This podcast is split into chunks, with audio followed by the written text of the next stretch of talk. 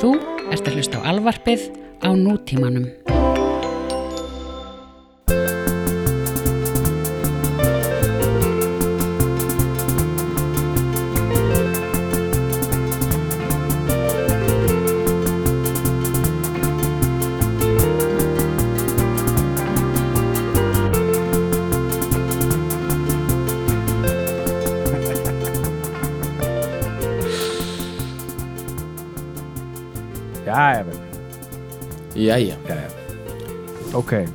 Úf, ok, sko erum við að fara í heimastöðu eða hvað? Wow. Þetta mér líður svona semi eins og svona Við erum búin að vera að fresta þessu svo lengi sko. Við erum búin að fresta Já. þessum eða fresta, við erum búin að vera mm, Við erum búin að vera að æfa okkur þangað til að við þú veist, erum verðugir því að, að, að, að díla við þennan Þetta, dela sko. þetta skrimsli Já, þetta, þetta, þetta skrýmsli, við erum búin að þú veist, vitna í hann svona 30 sinum í þessum þáttum en núna fyrst ætlum við að fara head on Já, já, já, já, ekkert Já, mál sko, jú þú veist, við líður svona sem í einhvern veginn eins og, þú veist já, þú veist, þegar maður er svona búin að vera að hlaupa, þarf að kúka sko, maður veit að maður þarf að kúka sko.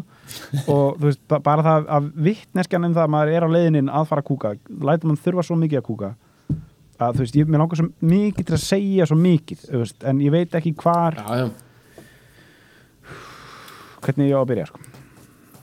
nei, en heyrðu, þess vegna skulum við byrja bara með tilkynning ok, ok Ok, hérna, sem sagt, uh, á næsta fimmtudag þá kemur ljóðabókin mín út biti, biti, biti, biti sko, þessi þáttu kemur út uh, að, Já, eða bara þennan fimmtudag, bara já, hvaða dagsending er það?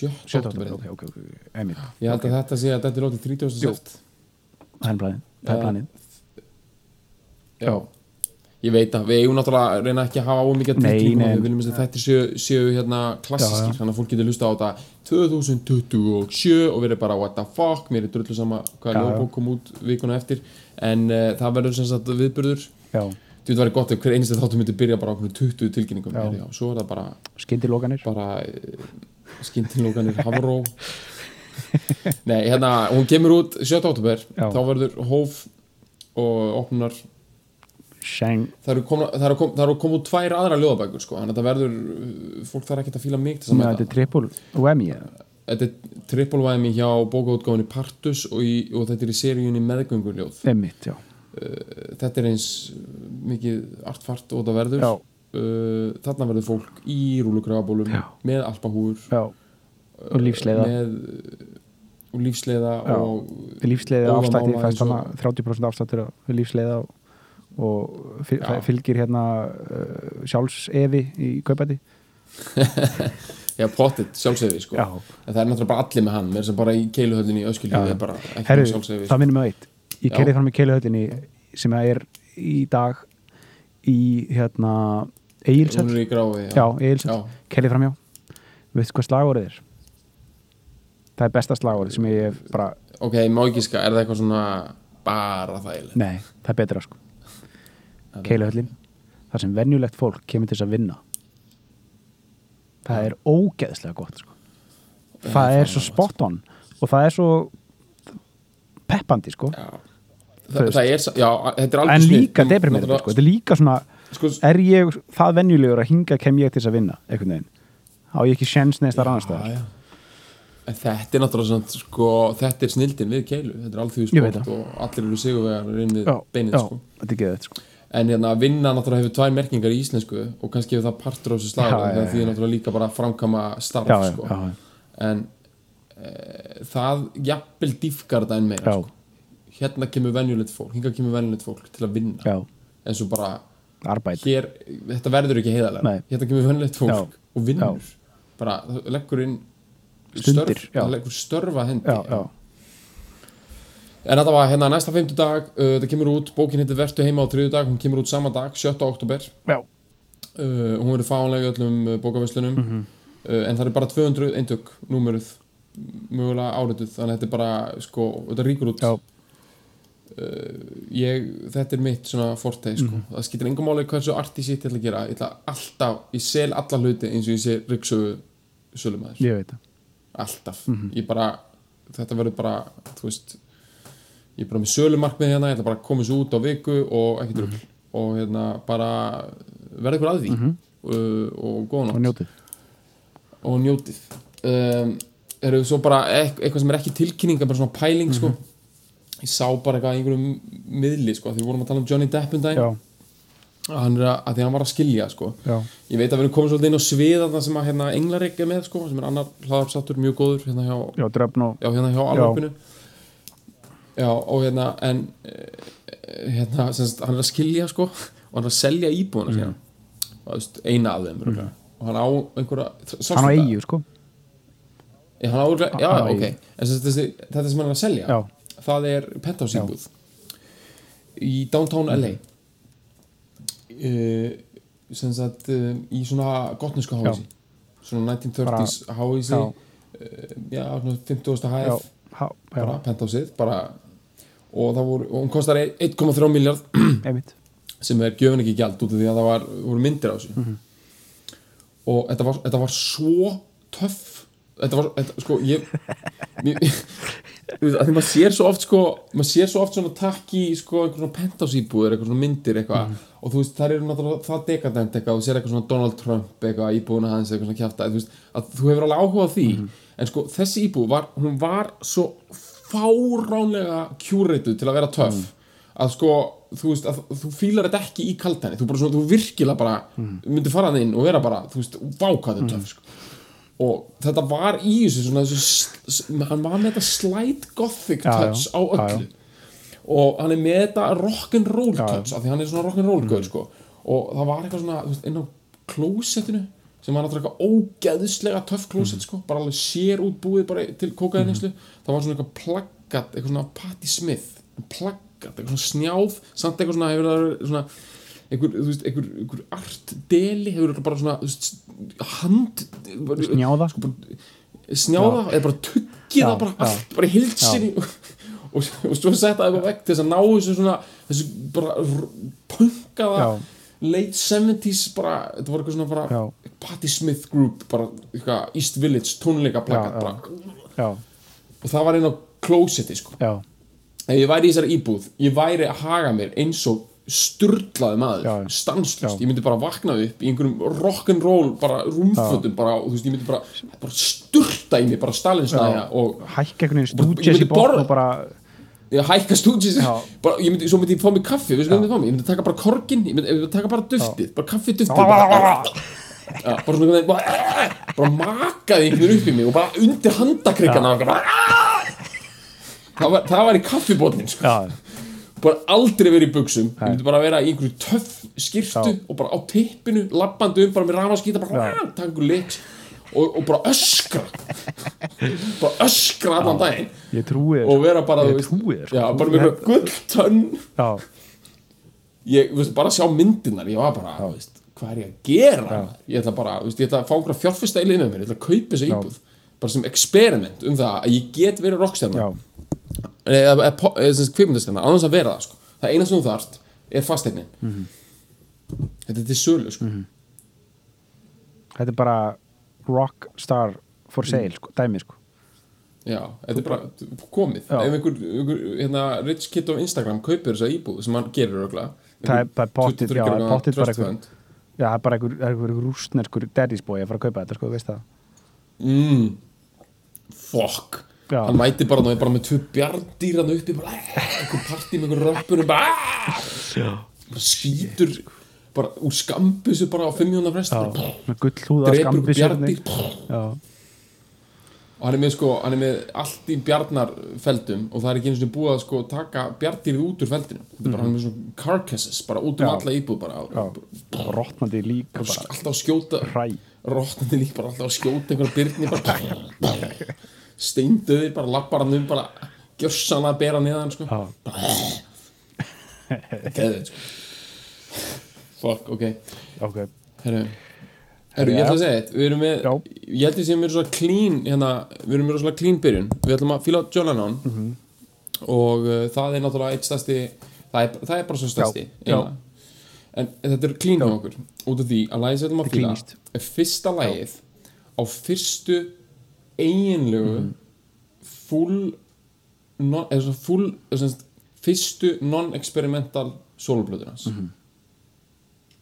Þú veist, þetta, er, þetta er clean þetta, er er. Mhm. bara, þetta er bara fyrsta eftir bílana þetta er bara fyrsta sem hann setur Mhm. fram sem commercial artist solo Mhm. artist af því að það sem hann gerði áður þó að það hafi reynda verið uh, svona radioslagar eins og Instant Karma kemur út af þetta ekki og náttúrulega Give Peace a Chance sem er samt náttúrulega veist, Já, og Cold Turkey kom líka var þarna. vantilega já, Cold Turkey líka Og- singlar sko en það sem að ég held að ég held að það sé massi pæling á bakvið sko, þessi plata, þetta er svona alvöru plata Mhm. sko, þú veist, þetta er, þetta er náttúrulega bara þetta er náttúrulega bara geðvegg plata Ok, sko. plata sko. Plastic Onoband, hún kemur út bara 70 ég er ekki alveg með þess að tímaröð á sér reynu, en ég menna bílandir eru eiginlega ekki einu svona hættir Jó, sko, út af einhver svona líkal þeir eru hættir Já, þú veist, þeir eru, þeir eru, já, þeir eru hættir en þeir eru ekki búið, þeir eru ekki búið að sko, lög, sko löglega taka það sko, þú veist eininguna í sundur sem að heiti bílarnir á svona lög, lög, hátt, einmitt. þú veist, það, það var einhvers konar lögfræðileg eining sem var ekki búið að, að hana, sko uh, taka í sundur fyrir, og það var ekki gert fyrir 1973 held ég eða fjögur. En, Já, ok. en þeir eru hættir sko. Þeir hætta í apríl uh, 70 og, og þessi plata sem tekin upp bara skömmu síðar ekki? Hún er tekin upp í september 70 Herru, sem te- tengist öðru sem ég ætlaði að segja. Já. það er ekki tilhörun að ég vildi fíla John Lennon í dag. Nei, út af því, fyrir mér er solo John Lennon hann er haust. Mm, hann er haust, hann er haust veist, sko. þessi þáttur er að detti í lofti í lók september Mhm. þannig að fólk að hlusta á þetta. Sko, ég, þetta er ritual hjá mér sko. þegar ég eh, var bjóð í Íslandi sagt, þá alltaf hérna þegar löfum byrja gulna Mhm. mm lappa ég göngutúra í Suðugötukirkjari og hlusta á þessa blödu og hérna Mind Games og eða þetta Walls and Bridges og, Já, og Imagine. já, og, já. og bara svona tek bara ska, skanna Já, það er eitthvað við þetta stark sko uh, sound sko. Uh, lonely einhvern veginn. Þetta er rosalegt höst og, og, og, og, og hérna imageryið sem að fylgdi þessu í þeim svona myndböndum sem að gera það kynningamyndum, þetta var náttúrulega ekki myndböndum sínum tíma er hann að nota höst já, það er satt. Og hann er haustmaður sko. Hann er Fæddist haustmaður. að haustlagi og allt þetta John, hérna New York dæmi já, John Lennon New York finnst mér vera rosalega mikið haust Já. líka. Hann í Central Park, einhverjum massíum haustlitum, einhverjum haust, haust Frakka, haustfrakka rosalega og þe- og þetta er haust lífsens af því að þú Já, veist, já. þetta eru síðustu tíu ára Já, já. æfið hans sko. Þú veist, hann er, þetta er allt clean. Hann, hann lifið 40 Mhm. ár. Slétt. Og þú getur bara sagt að 60-70 er bara sumarið uh, þá voru bílarnir. Svo bara síðustu tíu árin er bara haust. Hann fekk Það ekki, hann fekk ekki veturinn. sko. veturinn var tekin á uh, já, jú, eð, með þessa kenningu sko, þá fæðist já, þá er, er að tala um að vetur, veturinn sé já, veturinn er svona 78, 9 80 nei sko, nei, sko, með það sem ég er að tala um sko, þá er ég að tala um öll æfið hans sé heilt ár, almanaks já, þá er, fæðist hann 40 í miðjum stríðinu og ekkert að frétta skilur og bara rations og skamtanir og Breitland er allt lokað og bara móða og þoka og bara Churchill í útarpinu bara we have to stick together já. eitthvað. það það Það er er veiturinn sko. Svo kemur vorið, Já. það er þegar hann er Teddy Boy 50-60 brjálaður. þá, þá er hann svona brjálaður og bara graður bara lamba svo bara springur hann út já, springur hann út 60-70, springur út og er mesta sköpun og bara fall, allt fallett og beautiful og 60s og bara já, svo bara síðustu tíu árin er haust, Já. fallegt haust. Bara, þú veist uh, já, þetta er bara einleitt að líta á þetta sko. þetta er mjög næs kenning sko. En náttúrulega þessi tími 70-80 er náttúrulega uh, náttúrulega músiklega þá er þetta einn alltaf gerast en það fyrstu fjögur árin já, er það ekki, kemur ekki vol, sko, sko, jú, en svo, náttúrulega Gifts is 74? sko, frá 75 til 80 er hann í pásu sko. Einmitt. Það kemur ekkert út þau fimm ár sko. Þá er hann bara alveg, hluta alveg átt sko. tíma var hann bara fullur og erfiður. Já, og hérna æfisöguna sem hafa komið út eftir hann þá er bara þá er þessu bara líst svona eins og tí, mjög mörg tíma, er langt tíma það er bara verið mjög umkunnaverð Mhm. sko. uh, en herru, hérna, ég meina pælingu líka Mhm. ég, ég, ég, þú veist, ég, ég veit að þú, veist, þú ert með 700 pælingar en bara rétt að þú. Ég þarf að kúka, það sko. fyrsta sem þér dættu Já, það fyrsta sem þér dættu var clean nei, eða sérst, já, eða með haustið og allt þetta og við erum með þetta, þetta er clean þetta, þetta er, hvernig við erum að gera þetta þetta er fyrsta lagið og fyrstu alvöru plötunni hérna, lagið sem við fýlum fyrir mér, það sem mér dettur, kemur alltaf fyrst upp í hugan uh, þetta er þetta er svo fókuserað og ég veit sko að því að þú veist, ég, ég, ég, sko, ég hef lesið öll viðtöl við John Lennon sem ég hef komist í og ég hef náttúrulega hort á öll viðtölun og YouTube, allt saman.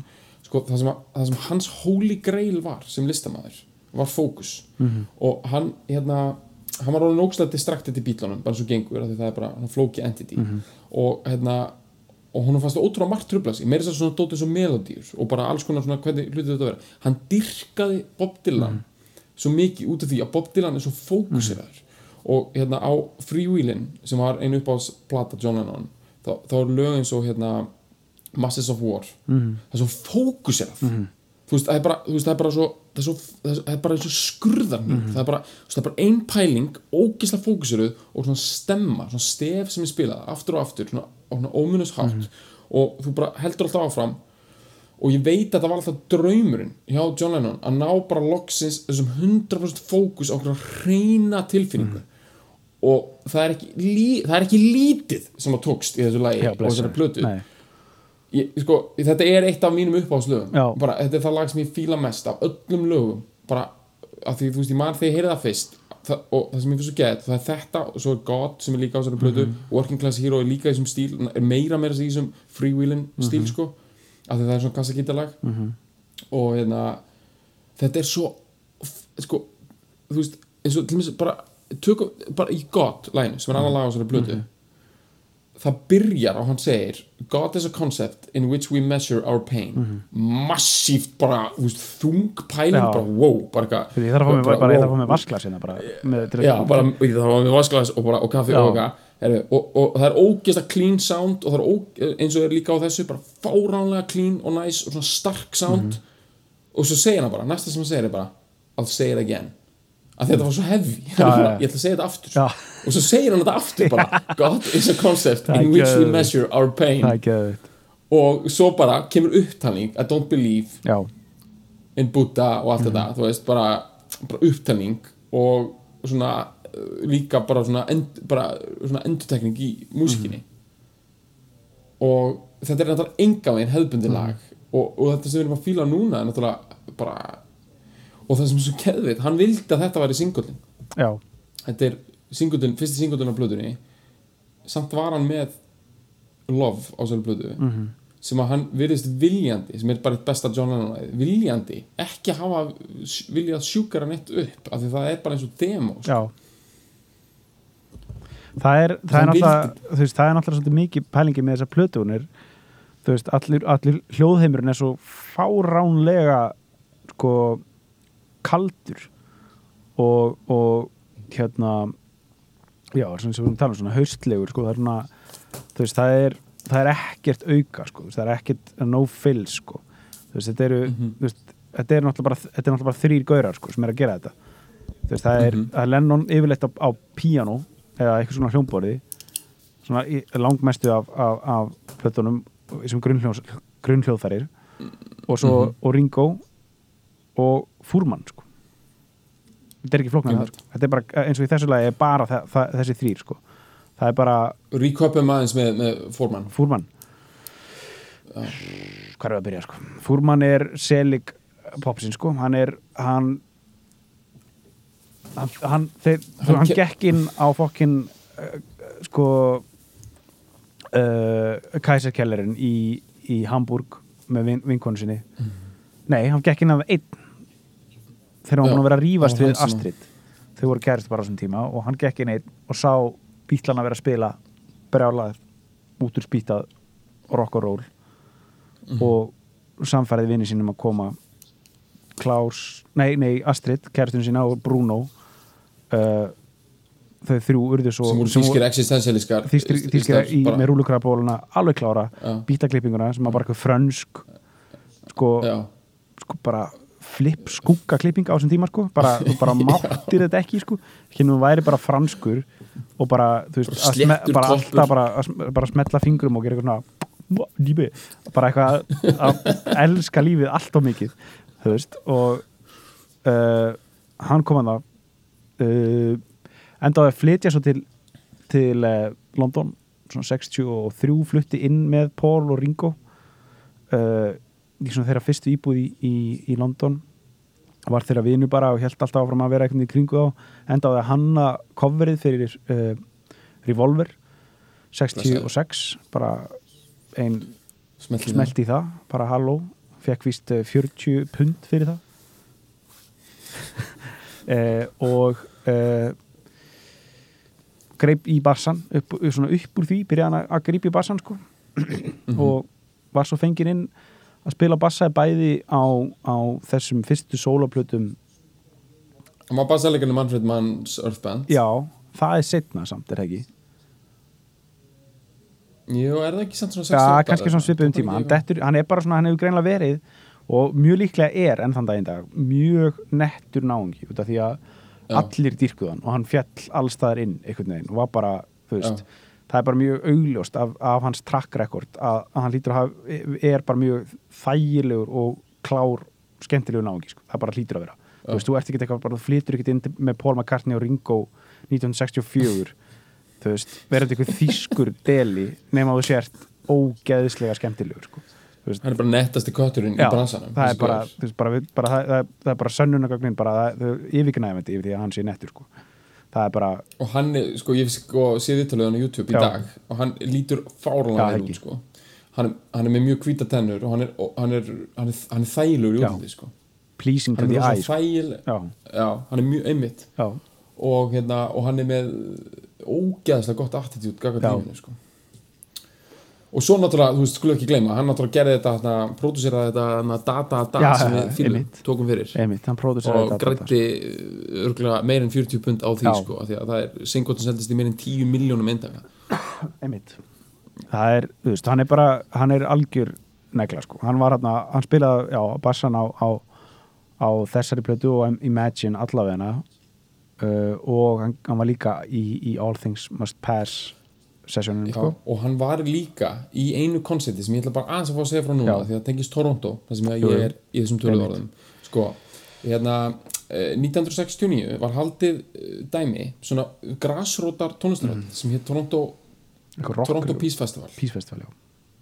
Já, eða frekar en Free Festival ég held Peace Festival. Já, já. og þetta, þetta var algjört grasrótadæmi en svo var svona að detta inn hana og þetta er náttúrulega ég held, jú, þetta er, ég held að þetta sé eftir Woodstock og þetta var bara allt er mögulegt skilur, Woodstock til mér var þetta er hausti 69, risa þetta er, hátíð. þetta þetta er aðeins svona oktober 69 Já, og þetta voru okkur stúdendar við University of Toronto sem voru bara, við ætlum að halda hérna, við ætlum að halda tónlistarháttið lo-fi, þú veist, ég held að bara frítt inn og eitthvað. Og markmið er við, núna er rock orðið svo þroskað við ætlum að koma gam, gamla liðinu saman við nýja, já, já, já. það var svona konceptið sko, fengur Chuck Berry og vorum með The Doors. Já. vorum Bo Diddley og eitthvað og þetta var haldið hann bara rétt hjá þessum í bí á svona Varsity Stadium, svona, svona college football stadium, hann er ekki stór sko. Þetta er bara svona já, þetta er bara svona, þetta var hérna rock á melavelli, þetta er svona þannig koncept sko, þetta er allt svona opið og hlutinir gerðu svo hratt í þessu að bara um leið og hérna, það var klárt að Doors væri þarna og hérna, Chuck Berry og, þá, og svo hann náttúrulega haft samband við eitthvað lið. Og John Lennon hann hef, hafði ekki komið fram á tónleikum. Fyrir utan þetta Apple hérna, á toppinum á Apple höfustöðunum í London og með bítónum mm -hmm. ári fyrr eða sama Það ár janúar 69 Já, hann hafði ekki komið fram fyrir utan það bara síðan Indonesia 66 eða hvernig síðustu tónleikum Candlestick Park 66 ágúst. Já. Sem sagt, ég að, John Lennon myndi koma. Já. Þú veist, það er það bara, bara, það bara svona veist, það er bara, já, alltaf bara Jésús já, hérna, já, er að fara að halda fermingaveislu og Jésús að mæta. Bara, verður rólegir hérna, hann er í líf mitt þannig að ég bara já, fara veistluna hann líka. kemur bara, hann að breyta þessu, þessu vatni, vatni vín í- og bara, þetta verður geggja game, sko. og, hérna, og þetta var líka eitthvað þannig að það gerist bara mjög rætt og eh, þú veist, það var, eh, það var víst eitthvað sem ég bara mismanagement með Lennon á þessum tíma og eitthvað rugl, ég, ég, ég veit ekki hvort að beddin sé þarna eitthvað hann er bara í einhverju hann, skilur, að taka þetta hann Ha, þetta er sko, þetta er, hann, þetta, þetta er smack in the middle af sko, smakk tímambilinu sko. hann var, Já, hann hann var, hann var að synda sig upp sko, á þessum tíma sko.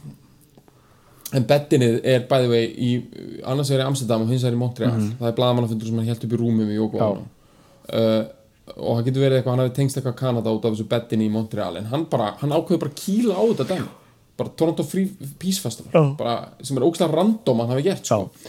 og hann e, æfði hljómsýtina upp sko, í þótunni á leiðinni sko. Og það var bara vormanninn formann. Clapton, og já, og var Klafton með hann Clapton var þarna sko. Já, og náttúrulega Jóko er eitthvað bara spila á bara. þrýtninga, Já, hvað þetta heitir. Já, ógislega erfitt koncept sko. Og, og hann mætir þarna. Og hann uh, stinkar sko. Já, þú veist, skilur ég, bara ég sé hann að performa ég legði, hann á Vaffa S í laugarasvídeó hann performance. Já, ok, Já, já. Þetta, er nefnilega svona það er ekki mjög góðar upptökur á þessu YouTube. Þetta er- getur samt fengið svona Þetta er alveg glata sko, þetta er alveg bara glata sko. Já, þetta, stinkar sko, það er að þú veist, hann er að taka hann að give peace a chance sem er eina skást samt, sko, af því það er svo ógeðslega basic eh, bara, það er náttúrulega bara svona sumarbústaða rusl í rauninu Já, sko.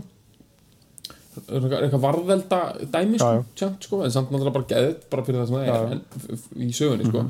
Og hann er að taka það og svo er hann að taka einhver svo er hann að taka sko gömur rocklu og það er það sem að stingar svo mikið í rauninni og ég, eh, annars ætla ég ekki að segja neitt vond um John Lennon. Svo verðist hann vera bara með þessar old 50s rock'n'roll þráhugju Mhm.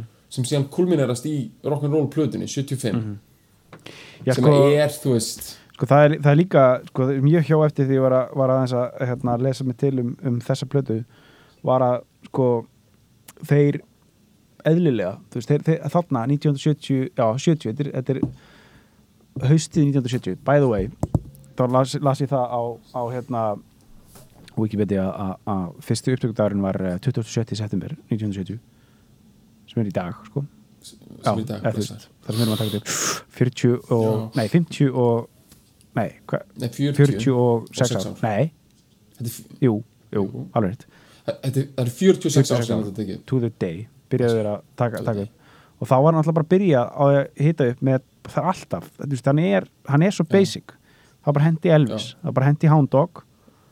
Don't Be Cruel, hitta til að hita, hita sig upp veist, það var alltaf og gott medley Já, bara. alltaf hendi bara gott Elvis medley sko. það er er ennþá bara þú, bara, þú, te, tekið sko, teddybóin út úr Já. slemminu sko. þú te, ferði ekki með sko, slemmið út úr uh, teddybóinu, eða hvernig sem maður segir það veist, hann er bara, hann er bara hann hefur bara verið bara með briljantinn dósenda Já. bara klárar í stúdíónu hann er hann er bara svona gaur, skilur, hann er bara illa basic rockhundur Chesterfield sigarettukartónin bara alveg Já. klár bara lænuð upp á þér og vill bara, vill bara hafa allt illa basic það sem er bara, veist, bara ek ekonomía bara, það sem er bara gítar, bassi trommur og, og, og, rödd og hérna og sem, sem heyrist mjög vel. Sko.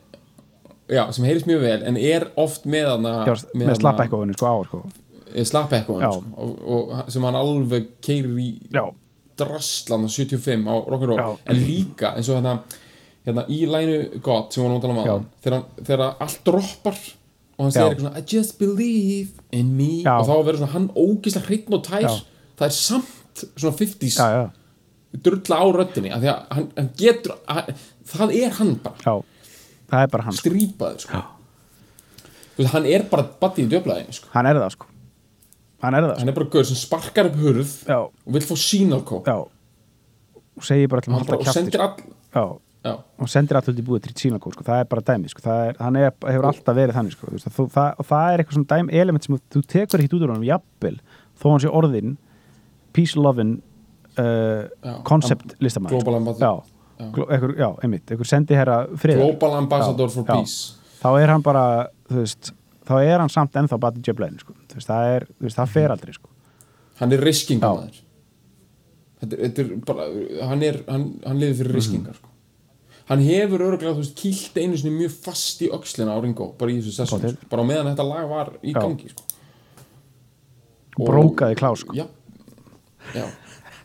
Samt uh, hefur hann búið einhvern svona virðing fyrir Já. klás já, en samt Já, já. hann sko, alveg potið en hérna, ok, ég veit ok, sko veit, það, sko. já, já, já, allt í góðu hérna uh, ég var með svo maður lákaði að opna svo stóra hurnu Já. rétt á hann sko uh, sko, jú, ég er með nefnilega smá ting Ok. sko, hann vil hafa þetta basic hann vil hafa þetta alltaf basic hérna uh, Mother Mhm.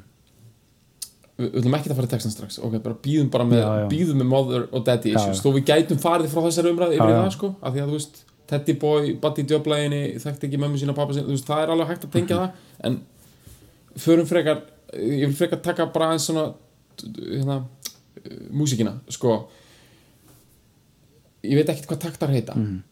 ég veit ekki hvað þetta er fjóri fjóruðu eitthvað en þú veist þetta lag, takturinn á því, hann er svo steady Mhm.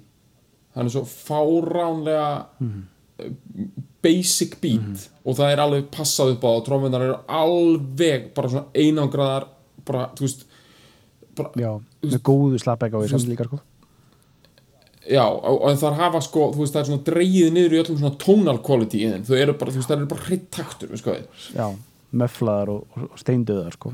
Já, sem er reyndar svona í tísku í 70 og er bara alveg, þú veist, way of the tide, uh, times, sko, hann er, þú veist, alveg keeping with the times Já, að því leiði. En lagið er í svona bara basic takti.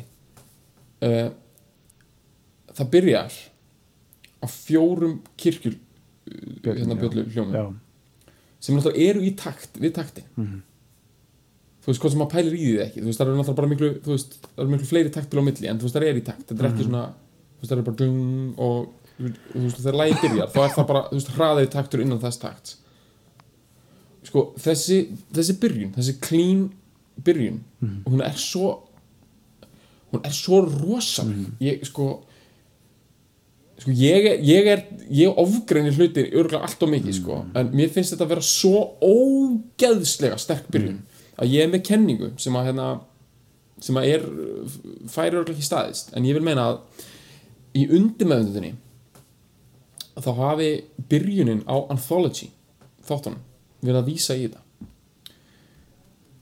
Sem sagt, Anthology þættinir byrja á ógeðslega sterkri mynd sem sýnir sko hérna, höfnina já, já, já, og, og það heyrist í já, nema það- heyrist þetta bara þrisar og það er ekki takt skilur mm. Og svo þrið, þriðja þá byrja að lækka svo kemur svona smá þögn svo svona næstu eins og í takti Mm. kemur In My Life. Uh, Lennon lag. Mhm. um, og það er, bara, það, það er mögulega eitt mest að gæsa hóða moment við bara, sem ég hef nokkuð tíma lendi bara þegar ég Já. sá Anthology fyrst bara, sá byrjun. Ég, veist, ég, sko, ég var að horfa á þetta aftur á þann ég, ég, ég, ég skattaðist sko. já, já og ég vil meina að bara, þú veist, editorarnir eða hverjir sem einhvern veginn nákvæmlega ákveða byrjunina þetta svona subconsciously eru þeir að vísa í byrjunina á maður með hana fjórar kirkjubjöllur og svo byrja lagið. Mhm. eða þú veist, þetta er bara svona pæling sko. þetta er svona dæmi gert um eitthvað þú veist, hvað þetta, auðvitað ofgreinum maður, að þetta er svo fokkin stert þú veist, hvað annað á maður að gera mm ég veit það sko, ég, ég, þú veist auðvitað, sko, hvað að maður að um gera ef að tala, um fyrsta skrýmið, fyrsta móðurið Já. sem hann segir, bara, bara, ef að tala bara um byrjum þar bara. Já, þú veist. Sko, já, sko þetta, er það er bara, það býður upp á allt að besta í John Lennon, það er svo ógeðs það er sko svo kraftlust og kraftmikið bæði í einu sko. og Það það, er er svo, líka bara, það er líka svo þú veist, það er, það, það er líka þetta sem við erum að tala um þú veist, þetta, þetta hann er svo ógeðslega berskjaldaður sko, á þessari blötu sko, þú veist, þetta er þetta er pæling sem hann byrja með veist, upp úr því þegar hann fer að kynnast Jóko og bara fer, fer að hugsa list sín á, á, á, á dýbri hátt skilur bara bara fer að, fer að opna hurðir í hausnum á sig sko og fer að hugsa veist, það sem að maður, maður hefur séð, séð í mörgum þú veist, viðtölum við hana er að hann fer að, hann fer að tala um það að sko sem er pælingina bak við þetta bettin dæmi og allt það, bettin for peace er að sko hvað sem hann myndi einhvern tíma gera, þú veist, hann, hann var þarna orðin 26, 7, 8 ára þegar hann uh, já, hann, já, þegar hann kynnist Jóko er að, er að fyrir að þessa, þessa pælinga fara að krema hjá honum að þú veist, hann veit það hann er orðin það frægur að hann mun aldrei geta gert neitt það sem eftir er á æfin sinni nema að fólk munum taka eftir í og reporta það veist, og, og, og greina það veist, hann veit að hann er komin yfir eitthvað, eitthvað þrep sem hann fer ekki tilbaka úr og það mun, hann mun aldrei geta gert neitt sem að, sem að, sem að hérna, mun ekki fá aðtikli og bara og þá fer hann að ákveða það, þá fer hann að hugsa það, þá fer hann að beina öllu því sem hann gerir að, veist, að þessu eina markmið sem hann er að tala um peace, skilur, þessar friðarpælingar. Og hann veit það líka að hann getur ekki falið sér lengur veist, í felst það, í því, þessu, þessu pælingu felst líka í því að hann, hann getur ekki hann getur ekki falið sér neinstæðar það mun, að mun allt sem hann gerir mun komast upp og mun allt vera gert hvort sem að verið þegar hann er lifandi eða hvort það verið grafið upp af einhverjum æfisakvarleitum eftir á þá veit hann það að það mun allt verða greint, allt sem hann gerir, hvernig hann skeinir sér hvernig hann, þú veist, tala við börni sín, hvernig hann uh, hvað hann borðar og allt þetta þú veist, bara eins og það, það er nákvæmlega sem er að gerast núna, sem við erum að gera, skilur þannig að, þú veist, hann fer að hann Mhm. hvernig fellir, skeindi hann sér aftur? Hann var með hann, hann var, hann stóð sko, held að, held að hann verið að taka hann er staðið, sko. Já, það er svona eitthvað gammalt já, Liverpool. Liverpool. Liverpool, Liverpool that's how we do it up Liverpool north. tilt, eins og að kalla það sko. En hann að sko hann fer þá hann fer þá, hann fer þá fyrst lesaði dagblöðin, Já. svo borðaði fish and chips úr þeim og svo Já. skeinaði sem þeim í loki with the tilt, the, Liverpool, Liverpool tilt. Uh, en þá fer hann skilur þá fer hann að fella niður þessa múra sem að sem að, þú veist sem að, sem að líka, sem að var með uppi varðan þegar að vera með eitthvað skáldskap skilur, hann fer bara að reporta beint Já. úr lífi sinu í textana skilur, og segir, Mhm. segir bara algjörlega ódulið bara, alveg, alveg ó Já. þú veist, einhvern veginn uh, sugarkótað eða neitt bara allt frá því allt sem hann er upplegað þetta byrjar einhverju hann að þetta byrjar, þetta er mjög skýrt dæmi með þetta er hann að ballatin Johnny Yoko veist, sem er bara frásögn frá því hvernig það var að Mhm. giftast bara Yoko bara á ein helgi, þú veist, bara alveg bara svona bara svona, í raun og raun eins og bara dagbókalesning, sko en þarna er hann, þú veist, Mhm. þarna er hann bara búin að, hann búin að fella allt niður og bara segir algjörlega beint frá hvað, þú veist, hvað hann er að upplifa, þú veist, það er engin Mhm. þú veist, það er bara, hann er algjörlega berskjaldaður, sko Já. og hann getur ekki svona, og það sem ég fíla náttúrulega við þetta er það að þú veist, hann er hættur eitthvað sögu kæftæðis Já, þó að hérna, já, eða þú veist að spá hvaða lög. Já, en líka hæðist algjörlega búin að sleppa öllu síkadelju shiti, skilur, og allt það öll, öll sútpæling er farin, sko, þú veist, það er en, en þegar maður gerir svona Mhm. þá er eins gott að þú veist maður viti þá hva, hva, hva, hvernig maður líður. Og hérna, ég held að það sé það sem að hann vil bara komast eins nálægt eigin tilfinningum hægt er. Og bæði með einhverjum basic svona uh, sjálfskoðun og líka með hjálpa þess að þerapistana sem ég maður ekki hvað Nei, heitir sem hann var hjá þá Nei, kemst hann að því að hans stærsta hérna, motivation, hans stærsta tilfinninga bara ha- hafa að gera með Mhm. hvernig hann var hérna, yfirgefin í æsku Mhm. og, hvernig, og samskipta hans við fóröldra sína Mhm. og það er bara hans stóra sál Mhm. sem allt annað sprettur frá og allt hans óryggi og allt hans sjálfströst og allt sem hann kemur frá Já. því og ég veit að með þessum gæja hana, þessum þerapista þetta er líka bara til að skjóta inn í sem alveg fittar nýja þetta sem mútu segja sko, er það að hann er náttúrulega búin að vera hana in the 60s er hann búin að reyna ógæslega mikið af svona í rauninni típisku unconventional bluffi eins og yoga og indlands bullshitið Mm. og þú veist, hann er búin að prófa alls konar svo leys kæftæði sko og Og- shitið allt saman og og sírusitið og dópið Já. og þá, þá kemst það að því að þú veist, nei, þetta endar bara alltaf með mér, mm. þetta er allt bara eitthvað grafið djúft og þá ferði alltaf í batnaðskuna Mhm. og veist, John Lennon er svo, er ekkit fyrsti listamann sem færi svona pælingar, Nei, nei. þetta er í rauninni bara þetta er í rauninni bara mjög stór hluti af li- listasögu 2000-aldarinnar að hérna og byggist bara kenningum fröytum dulvitunduna Mhm. um það að þú veist, allar, allt þitt dæmi hefur að gera með hérna svona, hérna, hvernig hlýðu þú fegst þú varst lítill og síðan endan tengist það svona sexual desires og fleira sem er síðan Mhm. grundvöldur sköpunar og grundvöldur valdagræðki og metnaðar og allra slæmra hluta og líka kannski góðra Mhm. og, og þannig að þú veist þetta er ekkit uh, hann er ekkit kannski eitthvað svona fárala frumlegur einhvern veginn að hafa stumbled upon this veist, þetta er það sem að myndlistamenn og fleiri voru búin að vera að gera 20 árum fyrir sko. en, hérna, en hann fer í svona mjög þróaða stúdíu með þetta, ég held að þetta sé einhver bandarsku sálfræðingur sem tók hann fyrir Já. og markmiðið er að finna the primal scream Já. sem er kenning sem að frumöskrið sko og frumöskrið er kenning sem byggir á öllu þessu að það, er sem sagt, um leið þú kemur í heiminn þá öskraru Mhm. sem barn, Já. um leið þú bara á fæðingadeldinni og þú ert, að, þú ert að öskra út af því að lífið er þjáning Mhm. þú veist, bara það, og tilf, tilfinningar eru þjáning. Og það er einleitt sem líta. Mér finnst það reyndar svolítið svona glasið er feitt hálf tómt að líta alltaf á þetta. Já. þetta er þjáning og gleði en, en, en lífs, lífsviljin er þjáning Já, já. Þú þarft að þjást til þess að ná árangri. Og þetta er bara alveg basic svona stef í, í öllum listgreiningum að, að, að, en hérna en bara, þetta er svo áhugavert hann sem þetta Primal Scream að því hann er tónlistamæður og hann er búinn að vera í Primal Scream alltaf, hann að vita Mhm. Já, það já. skilur ég meina eitt lagið hans hétt Help skilur Já. og það er, þú veist, allt harmonur þetta við þetta sem hann uppgötar hana Já. 68, 69 já, og hann er alltaf búinn að vera að öskra eitthvað skilur bara this boy won't be happy. Eitthvað until you see me cry.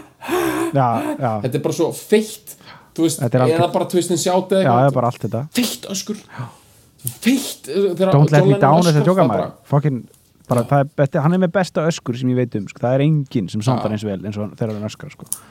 menn segja náttúrulega hérna, vanandi það sko, John Lennon rödd og, og öskur Já. sko, að, hérna, þetta er alveg rétt, hann er alveg uník sko, en hérna, það er náttúrulega oft sagt að hérna, gaur sem við töluðum mikið um hérna í hvað heitir hann, hérna, sungurinn í Slate já, já, já, Hérna- já, ég manni hvað hann heitir sko. hvað heitir hann aftur? Hann heitir eitthvað gott sko. hann heitir eitthvað gott já, Nei, Noddy einmitt, já já, hann, já, hann er svolítið hann er svolítið, að, hann er með þi- þinnri sko. það vantar kjallaran sko, það er sko já, hann vant- en hann hann er samt með þetta einhvern veginn getur öskrað og samt er það einhvern veginn í lagi sko. já, svona á þennan hátt, svona svipað Já. hátt sko. já, jú, ég meina auðvitað, ég meina John Lennon er náttúrulega hann er náttúrulega verður alltaf hérna, sem sagt hann verður alltaf standard of industry Já, í þessu skilur, þú veist það er að segja að það verður aldrei neitt hann er enginn þessu primal öskri sko, eins og eins og eins og Lennon sko. og, og ég, það sem ég held, ég held bara hreinlega að tengslega þetta sem ég var að segja hvernig þetta fókus er það ég held hreinlega að hann hafi þetta sem bara listaverk af því tægi eins og svona koncept dæmi eins og myndistamenn gera oft ég hugsa að hann hafi hreinlega sest niður og hugsað ég ætla að ná frumöskrunu og, og textin verður bara um þessar frumtilfinningar hann verður einfaldur, músíkin verður eins einfald og hægt er og markmið er bara að ná þessu öskri út óblönduð, Mm. ekkert kjaftaði ekkert eitthvað help me if you can I'm feeling eitthvað, Ekkert lof og ekkert dulmál. Nei, og það sem ég finnst svo geðveikt er Mm. það að lægið í staðan fyrir að vera eitthvað svona að, hey, finnum, finnum eitthvað aðeins út úr þessu og svo endar það í öskrum. Nei, það bara fokkin byrjar á Já. öskri engin afsláttur sko. ekki Nei. króna sko. það er og svo náttúrulega bætir hann í sko. Að, já, já, er það. Hann- veist, það er, það er veist, þetta er fáránlegt. Þetta sé, þú veist, hann er, hans þú veist, þetta er ein stæsta popstjarna í heimi á þessum tíma.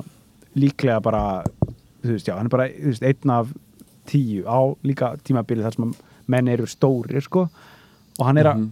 gefa út singul af fyrstu soloplötun sinni og hann end, endar hann á því að öskra bara ykkur svona gjörningalista öskur sko, Já. bara, þú veist, bara algjört sleppir af. Düsseldorf. Já, bara Dusseldorf bara listaopnunar lífsleiða bullshit öskur sko, já, þú veist Já. og bara með Ringo bara, bara Peace and Love Baked Beans og bara á trommur og eitthvað fokkin sko hambúrgar hambúrgara sósu sko bara á fokkin bassanum sko. Bassa. og svo bara þú veist Phil Spector á fokkin tökkunum sko. Við erum ekki eins og komnið Já. þangað sko. Fokk, ég æsti svo mikið bara við að fara að hugsa um Spectorin sko. Já, við verðum að tala bara um þeirra samband og hvað þeir allir sér að ná fram Já. sko. Uh, bara, þú veist, við erum bara samt á svo góðri öldu núna, sko, mér langar bara að glá, þú veist, sko uh, sko nákvæmlega, þetta er, þetta er í rauninni popstjarna og innan the pop parameters að vinna samt með eitthvað fáránlega mikið koncept og sko, ég, ég var svo lítið til að heyra þetta lag fyrst að ég fatta ekki að þetta var eitthvað unconventional lag mm. veist, fyrir mér hefur þetta bara alltaf verið dægurlag sko. já, og, og örgulega fyrir eina öllum sko. af því að þú veist nema, nema kannski þú veist fólki sem er þú veist, uh, jú, jú, náttúrulega fólk sem ólst upp með bítlónum og var orðið kannski svolítið stálpað og já, fyrsta sólblótt John Lennon, já, heyrðu, þetta er nú þetta er svolítið skrítið.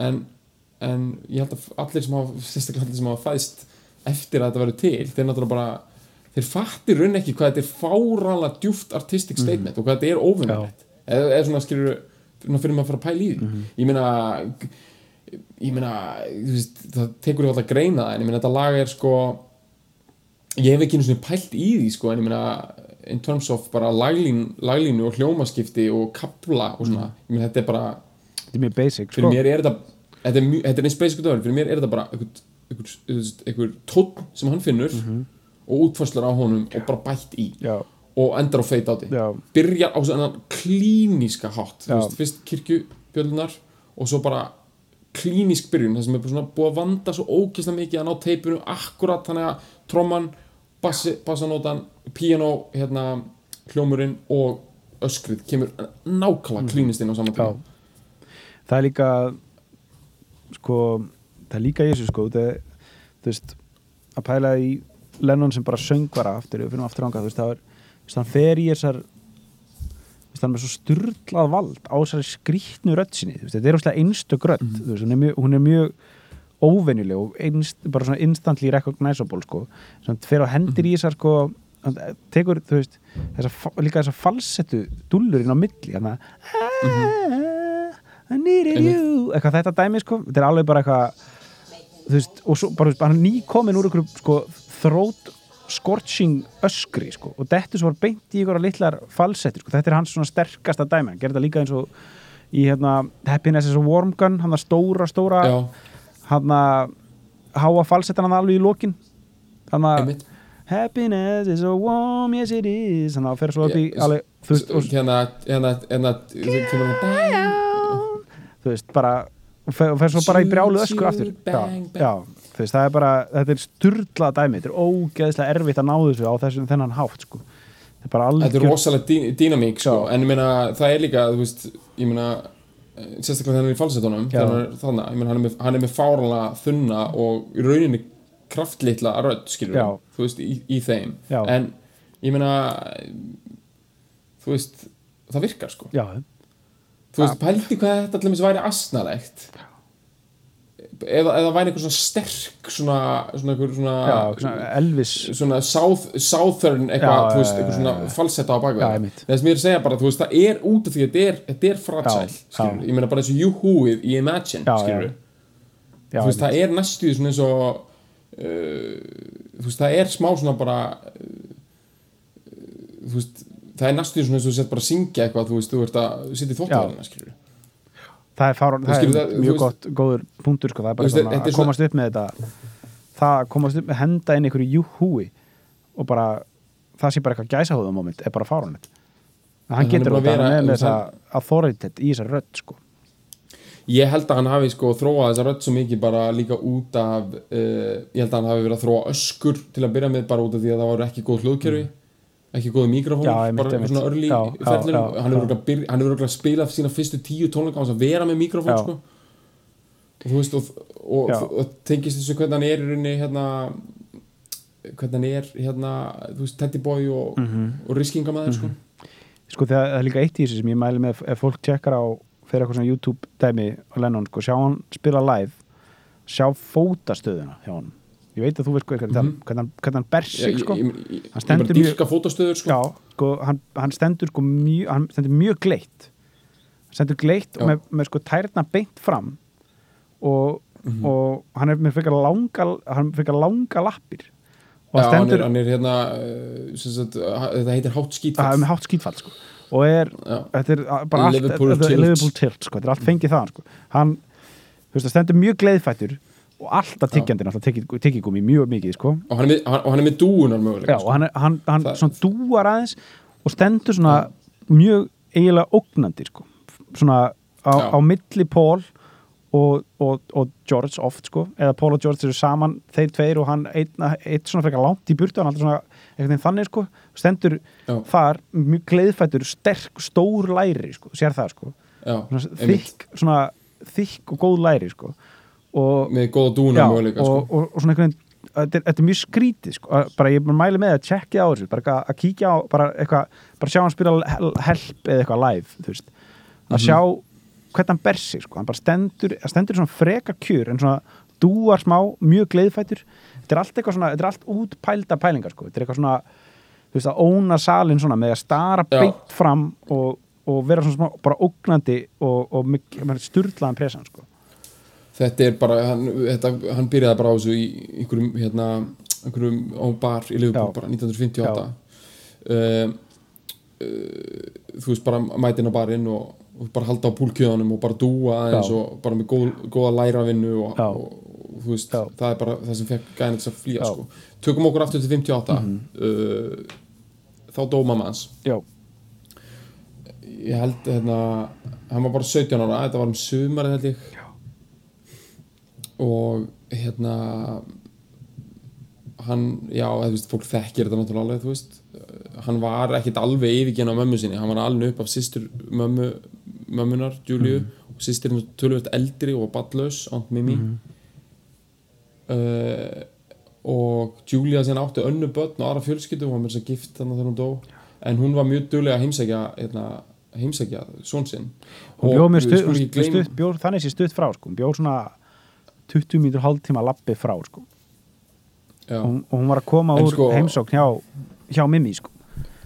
hún dó bara hún, fyrir var, undan hún var bara að hún var, hún, ta, hún var að tala við Mimi og John og vin John. Nei, John var ekki heima. Og var ekki, Nei, var það var, var eitthvað vinur vinur John. Var já, sem, sem að sá þetta sko. hún var að fara frá Aunt Mimi og að labba yfir og, ætla, og, og hann ætla að fara að labba yfir strætóskil til þessa vinar hans John, einmitt. sem að sá þetta sko.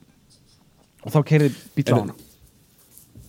Já, en sko, hérna, að því að þú veist þetta lag snýst um að, svolítið svona mother issues, ekki bara svolítið það bara snýst um eitthvað svona, og það hljómar eins og sé svona, þessi, þessi brjálaða sko, yfirgefning sko, en þú veist þess að setja þessi samingi sko, þú veist þetta er ekkit, þetta hefur ekkit verið það fárunlegt á þessum tíma sko Nei, hérna, hún eigna, eignaðist hann. Hún var nú reyndar ekki neitt brjálaðslega ungkaldi Nei, hún var alveg ekki- 22 eða eitthvað, eitthvað hún var ekki alveg Já, en hún átti bát og sagt, átti erfitt og, og pappi John stakka af eða var í rauninni aldrei. Hann var þetta sem heitir, hann var Tók- það sem heitir að vera merchant seaman sem er sko sem er svona the merchant army í köpskipum já, já, já, þannig að hann bara tók bara gaf, bara tók, gaf sér aldrei síðans.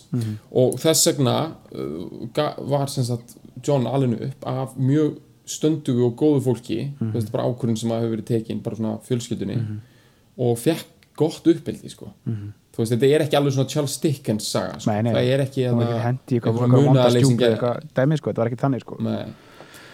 og í þessum bílafræðum er alltaf verið að tala um hérna að þú veist að hann hafi í rauninni verið með svona efnaðslega besta uppeldið Mhm.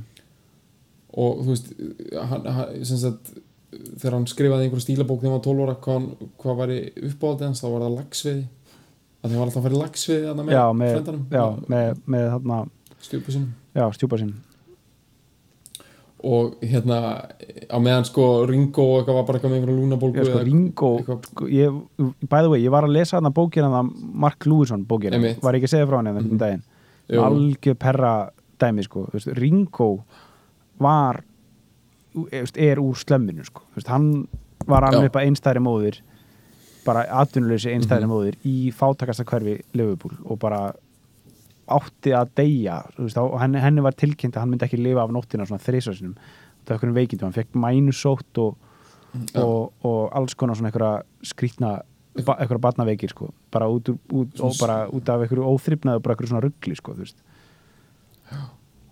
pældi í Já. þess en John var svona, fekk góðan mat Já, já. og bakaði og böðni hérna, sko, bakaði böðni, mikið Já. af þeim og, sausages. Og bara, já, verið svona bara smá uh, Já, svona smá Bangers and mash. að gera það sem Já. vildi þú þurfti ekki að vinna í kólan á möðu við skulum bara veist, tölum um skilur og að hann var átti samband við mömmu sína en kannski var þetta ekstra þetta að það var alltaf orðið betra og betra. Og þau voru bara mjög góða vinnir og, og, og, hún var mamma hans, Mhm. alveg óumdeilt og, en hann var einhvern veginn, þú veist, það hefur komið fram í viðtölum að hann var einhvern veginn svona nýbúin að ná að kynnast henni almennilega þegar hún dó. Þá var hann á viðkomum aldri, þá var hann 17 og byrjaði að drekka og vera í sjálfsmyndakrísum og, og vera þessi bara 1950s uh, Holden Caulfield stæl unglingur sem efast um allt, skilur bara einn af fyrstu unglingunum sko. En fyrsta, fyrsta veif af unglingamenningu er að skella á hana. Og mamma steir og svo náttúrulega bara daddy issues sem við höfum oft talað um í sem þætti er eitthvað prímus mótor fyrir ógislega mikið af músík sko. Já. þau náttúrulega voru bullandi pappans bara einhver drulluhæli skilur, ég pappa meina, svo drulluðæli sko, það er alveg það er alveg hreinu sko það kemur fram sko, þú veist að pappans náttúrulega reynda hann reyndi með þess að kassa inn sko, þú veist, in the 60s Já, já. þegar bílandi voru upp á sitt besta. Með þetta að gefa út eitthvað plöt já, já, og þú veist, hann Alf gamli. Alf gamli sko. Og þegar maður sér bara myndir af þessu liði þetta er bara geggja að horfa bara googla einhverja myndir þá sér maður alveg what, hérna, what Lennon is made of sko. mamman vir- virkar svona smá fragile svona emotional típa sko. pappin er bara einhver þú veist hann er bara eitthvað deli sko já, einhver deli sko. Já, já. og þarna sér þetta það er blandan í maður. hann er einhver, einhver, einhver eitraður koktill af þessu sko. ég með þú veist, það er alveg, það er alveg hreinu sko, ef, þessi gaurar hefði ekki bara dótt inn í rock'n'roll sko, þá hefðu þau bara verið í ykkur smákrima shiti sko, það var bara ekkit annað í bóði sko, þegar, Já. nema kannski kannski McCartney hefði alltaf verið Já, hann hefði alltaf verið- já, já, tónlistamæður sko. hann hefði alltaf hvort, hann hefði kannski farið bara í ykkur jazzsveit eða eitthvað skilur Já. jazz combo hann væri jafnvel túrandi sko í dag. Já, uh, ennþá. Já. eitthvað svona með einhverju svona kla, að spila klarinett eitthvað svona dæmið já, uh, já, já örugglega ekki túrandi mikið en svona, jú, svona á, í, í Breitlandi já, hann væri svona að spila klarinett einhvers staðar í Leeds já, já, orðin gamall. já, og bara, og bara í fínum málum, bara Já. með góða tennur og, já, en hinnir hefði allir náttúrulega er klárt mála Ringo hefði bara fengið nef, nef, sko, nei, bara verið bara, verið bara, bara stungin einhvers staðar sko. Potið, sko. stungin ja, hann hefði stungið Lennon hefði alveg Lennon hefði öruglega tekið smá jail time já, og eitthvað króa massíft sko, hendi, í nokkra króa sko. já, fullt, einmitt já. Um, George er aðeins meira spurningaverki sko, hvert hann hefði farið sko. Nei, Bliksmiður Bliksmiður, Bliksmiður. já, ok Já, mér mér finnst það eiginlega að vera minnsta gera, sko. í, Það er allar hvort játnabindingamæður eða Bliksmiður Það er bara alveg já. klart sko. sko. Eða Rúfer er Rúfer sko. Eh, Sweeper sko. Já, ég meina það eina sem þú þarft að setja bara þú setur bara George Harrison bara í köplót og skýrtu þá bara er hann bara farin að smíða pallin fyrir utan hann það er bara, er sko. þarf ekki einu sinni uh, hann myndi bara gera það sjálfur hann myndi bara, auðvitað, hann was made for this já, uh, hérna Darius og John Lennon ég meina þetta er að koma út í þessu, hvernig hann veist, menn tala um saman við Brian Epstein fyrst, það sé svona stóra Mhm. svona issue með það sko, vantaði svona eitthvað guidance og var mjög náinn honum og sumir segja þetta sé eitthvað homoerotic dæmi en veist, það er allt bara eitthvað þú getur það er þetta að tólka það eitthvað fram og tilbaka ég held að það sé meira svona fyrirmyndar já Daddy ég dæmi sko. held að líka sko. Og svo fer hann í þetta með Maherismi og svo náttúrulega stærsta daddy mother issue af öllu kristallast í Jóko hún er hún er náttúrulega hans ástkona og líka hans móðir Mm. og kannski faðir líka og allt. Og hún er svolítið eldri en hann sko. Hún er sex ára með Ekki- þetta var hún hún fætt 34 ef ég maður rétt. Já þannig að þú veist, það, þú veist þetta er bara svo augljóst Já. sko, þú veist þetta er ekki eins og svona nú er þetta kenning, þú veist þetta er bara augljóst að gæðin var bara komin í einhverja endastöð emotional endastöð í lífi sinu að hafa stjórnaði skilur finnur einhverja fókuseraða frumlega, öðruvísi, abstrakt eitthvað bara eitthvað force sem kemur bara svona ekki úr breskri menningu heldur úr einhverju allt öðru. Já, reyndar er Jóko ekki bara, þú veist japansk menning, ég meina hún ólstað hlut til upp í bandaríkjunum og, og er, er svona, þú veist svona global, skilur, hún er svona global típa, sko, uh, eitthvað nýtt þú veist, og hann algjörlega þú veist, surrendar sjálfa sig þú veist, hann gjörsanna fellur á sjálf Já. sitt í, henn, í, í henni, sko. Og hún bara, náttúrulega þú veist, ég veit ekki, við tölum núna um hverju pródusir hennar plötu, en það, við ætlum að tala um Phil Spector og eitthvað. En náttúrulega, þú veist, Jóko er náttúrulega eitt stærsti áhrifavaldurinn á öllum sólafölli John já, ég meina þú veist allt þetta konceptdæmi kemur já, ég sko bara, John hefði aldrei orðið að- sko, hann hefði aldrei farið, sko, hann hefði aldrei náð sínum full potential, hefði hann ekki þú veist, kynst henni þú veist, ef maður horfir bara á hvað hann var þegar þau kynntust, þetta er 1967 sömur er 67 þú veist, þá eru þeirra, Mhm. þá eru þeirra eða vorið 67 í raun og veru eru þeirra, þú veist, að gera hérna Sgt. Peppers og hann er bara í einhverjum mannsoni með upper class uh, high school sweetheart konu sinni og barninu þeirra skilur uh, og er bara að slavra í sig síru og bara veit ekkert hvert hann á að fara veit ekkert hva, hvað hann á að gera Mhm. hvert hann á, og hann er, hann er í, hvað segir þið? bara, hvert á ég að taka þetta koncept núna þú veist, hann er bara, hann er komin hangað þú veist, bara veit ekkert hvert hann fer næst og er, as, er í lægð, skilur þú, hlustar og tekur Sgt. Peppers fyrir, skilur, hann, hann er með hann er með hann er mjög fá lög þeirri plötu, þú veist, hann er með Good, hann er með good Morning, Benefit of Mr. Kite og svo náttúrulega A Day in a Life, skilur, þú fokkar ekki í því en þú veist, Good Morning og Benefit of Mr. Kite er frekar lightweight með að við Já, veist. ég myndi segja good morning ég er, ég er alveg óhrættið að segja hlutir svona og mér finnst good morning bara það er frekar finnst bara ekki slaft, gott það er svona eitt af slöpp, slöppustu bílalögunum í, Já, sko. mér finnst alveg sko, bílalögin eru svona þau eru cirka, ef þau eru 14 plötur Já. þau eru cirka 200 kannski já, Nei, nei, nei, nei, ég veit ekki nei mein, minna 100, 180. já, já, Mér finnst alveg 20-30 ekki vera góð sko. já, mér finnst þið öll góð sko. en mér finnst þið ekki það eru sum sem eru slappar en önnur sko. þess að Bungle og Bill finnst mér drullulegilegt sko. Já, Uh, það er svona já, já, sko. en að, þú veist, allan hann er aðna, þú veist, kynnist henni uh, og þú veist, það st- startar bara allar þessar pælingar sem við vorum að tala um skilur, þetta, þetta, þú veist, þessi, þessi conceptual eða þú veist, bara einhvern veginn að taka sitt sínar hugsanir á næsta skref skilur, hann hefði aldrei, hefði aldrei náð að channela, hann var svo, hann var svo reyður veist, og var svo ringlaður, þú veist, hann er svo ógeðslega ringlaður alltaf, þú veist, bara og vissi, eina sem hann vissi hann alltaf að vera ríkur og frægur þú veist, það var fyrsta sem hann vissi, svo var hann ríkur og frægur og vissi hann ekkert hvað hann átti að gera þú veist, og bara, Einmitt. Og var hann ríkastur og frægastur einhvern veginn og vissi ekkert hvert hann ætti að fara með þetta næst. Hann getur náttúrulega gett, þú veist að sko aftur hana, fyrir mig þú veist, Brad Pitt og Angelina Jolie er að skilja. Já. það var að koma fram núna þau eiga 12 hús. 12, já, 12 Já, hús, já, veist, splitti 12 húsum. Þú veist, er það ekki eitthvað ógæslega góð pæling, bara, herru, ég er á nógstlega ríkur og frægur Já. ég á geðugt hús, ég ætla að kaupa annað hús? Ok, allt góð, fínt að eitt sumarhús, eitt venulegt herru, byrju, ég kom með tvö Já. hús herru, ég ætla að kaupa tvö hús viðbót. Nei, herru, nú er ég komið fjögur. Það er gott, það er gott. Byrju, Heyrðu, ég ætla að kaupa átta í Já. viðbót. Ég ætla að eiga 12 Já. hús. Þá, þá er það komið, þá líður mér vel. nei, nei, herru, nú ætla ég bara að lemja barnið mitt í flugvél og FBI er að rannsaka mig. Æj, herru, þetta fór svona. Takk fyrir það. Þú þetta er mentan að þetta. Ef þú átt 12 hús, ég meina auðvitað gerur eitthvað Já. að það bara ríða upp á kveikiðir sko. það er ekkert annað já, þetta er bara, þetta, veist, það er ekkert er svo basic, ok, en að John Lennon einmitt, þetta, og mér finnst geðið þetta við sem að segja þetta svona og tala um þetta svona, af því að ótrúlega margir eru ennþá því bara, já, ég meina, hann náttúrulega kynist jóko og þetta verður bara eitthvað ókýrslega erfitt það er, og það, er og- það er mesta bullshit sem við heyrt sko. ef tökum- heldur þessu fram í alvörunni þá veit hann ekki neitt um bílana sko.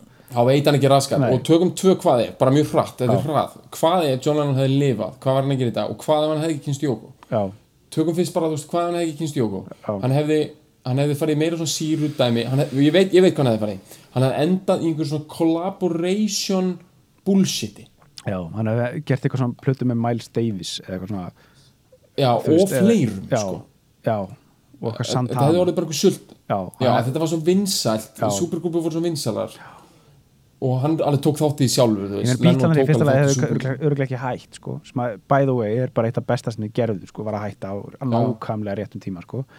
Þá, þá já, ef að Jóka hefði aldrei verið inn í myndinu hefðu þeir hefðu hann lallað aðeins áfram, sko. Eða þú veist, eða þá bara, hann hefði drepið sér bara af í, í bara, veist, hann hefði geta farið út í mikla meira junk, sko, þú veist, bara, bara farið í eitthvað, eitthvað rugg, sko. Já, en sorglegasta scenarióið af öllum og sem ég finnst samt líklegast er að hann hefði í rauninni endaði með já, eins og bara ógeðslega margar góðar hljómsættir og Já. þeirra bara fáránlega góðar. Það er enda hvorki í einhverju svona veist, það er enda bara í einhverju svona seven- þú veist, 70s varð síðan bara eitthvað svona já, já, eitthvað.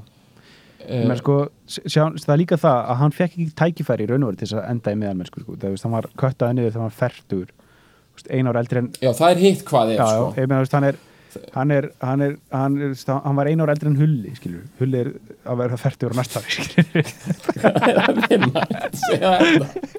Heru, við erum allir þú veist, ég, bara, er, er að segja þetta, skilur þetta er bara eitthvað, þú veist, hann var, hann var köttaði niður þarna, skilur og hann var, þú veist, hann var búin að ta- taka fimm ári pása á undan þessu, kom tilbaka ógeðslega ferskur, þú veist, með plötu. Double Fan- Fantasy sem er bara mjög fín plata, sko hún er mjög fín, hún er samt, hún er samt alveg, ég meina hún er samt alveg nálægt þessu meðan það er samt alveg, þú veist, það er alltaf veist, það er málið með það, veist, eins og, eins og, þú veist, eins og bara Paul gaf strax út mjög slappa plötu 1973 Já. sko, þú veist, fyrsta Wings-platan er bara hræðileg plata sko, ég á hana, hún er bara Já. það er ekki hægt að vinna með hana sko þú veist, og og uh, uh, og þú veist og, og George Harrison gjörsanlega búin að missa það, þú veist, þannig 1980 sko, og og eða þú veist, þannig, veist, ég meina, hann gerði svo eitthvað svona eitthvað Cloud9 hann að plötuna sem er svona, svona fyndin, þú veist, með, þú veist I put my mind I, got my mind Já, já, on já.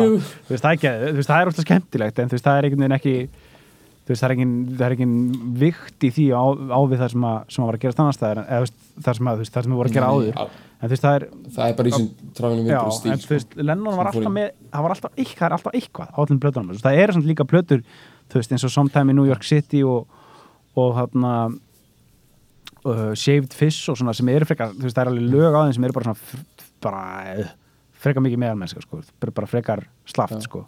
Þú veist, hann var alveg búinn að gera það en hann, hann þú veist, ég hefði, ég hefði alveg getað ímyndað með það. Þú veist, hvernig hefði, hefði Lennon farið í gegnum áttuna, sko? Þú veist. Já, ég er búin að pæla mikið í þessu sko. Lennon hérna- hefði, þú veist, hvernig hefði hann farið í New Romantic, sko, þú veist, hvernig hefði hann tæklað, þú veist, Duran Duran skilur, hvað hva hefði hann eða Cure, þú veist hvert hefði hann farið þar, sko, eitthvað svona í goth, þú veist, dæmið og, og svo náttúrulega, þú veist, við vitum, all, við vitum öll hvað hefði gerst fyrir, fyrir, fyrir Lennon í, í grönnsinu, sko þú veist. Í Unplugged, MTV þú veist, já, já. dæminu sko. Alice Mm. in Chains eða eitthvað þú veist, þegar, þú veist, þú við veit, þú veist, það er alls konar svona hluti sem að Já, þú veist, við verðum En að gera sem okkur- að, hérna- og svo, svo hefði hann dótt í Rick Rubin drulluna sko. Já en Þú veist, já, mitt, er- þú ert núna, sant Þú ert bara að hugsa um þetta innan marka tónlistar sem er náttúrulega rétt, hann hefði alltaf verið tónlistamæður fyrst og Já, já. fremst, en það sem hann náttúrulega held ég að, ég held að John Lennon hafi gert manna mest af öllum tónlistamönnum sjönda áratugarins, and beyond. Er það að transcenda það að vera ekki lengur bara tónlistamæður, heldur að vera einhvers konar andlit gúrú, andluðu leiðtogi uh, koma inn á svið stjórnmála uh, og svo veist, svo náttúrulega var hann fullu, þú veist, í myndlist skilur, hann er, hann er pioneer til mér bara í svona myndbanda og myndvinnslu Já, og já. dóti af því að þetta er löngu fyrir tíma my- myndbandana, samt eru myndböndu fulla lögum og þau eru bara myndbönd sem hefði getið verið rúlað á MTV, skilur, alveg eins. Þau eru alveg bara með hugsun og, og, og hann er með, ums, með plötu umslögin. Það er líka sem tengist akkur þetta er alltaf svona haust, ég meina, horfa á þessu plötu umslögin. Þetta, þetta er bara því ultimate haust. Já, allt saman, sko. coverið maður er bara brjálaður haustheiminn og, og, og, og, hérna líka Plastikónu band coverið sko er gummilaði haust. English að hann er haust. sko þetta er alveg, einmitt, og bara góð súld í gangi, sko. Þú veist eins og, mér stókst að fyndi í Imagine myndbandinu þá er hann verið að draga frá hana, glugganum. Þú veist hann er að spila í myrkri og svo dreigir frá og verður allt upplýst. Já. en maður horfir samt á það er samt einhver svona steingrár breskur heiminn úti.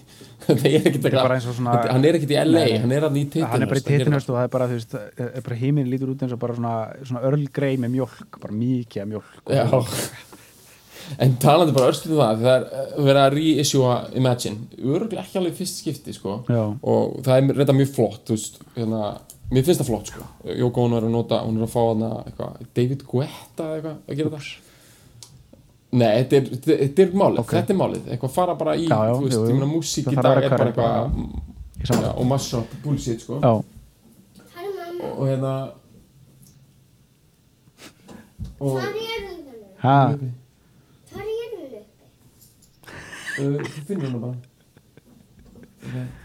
Ekki með Kom. bítlast náðið hann með mættur Já, það er mættir sko. Já.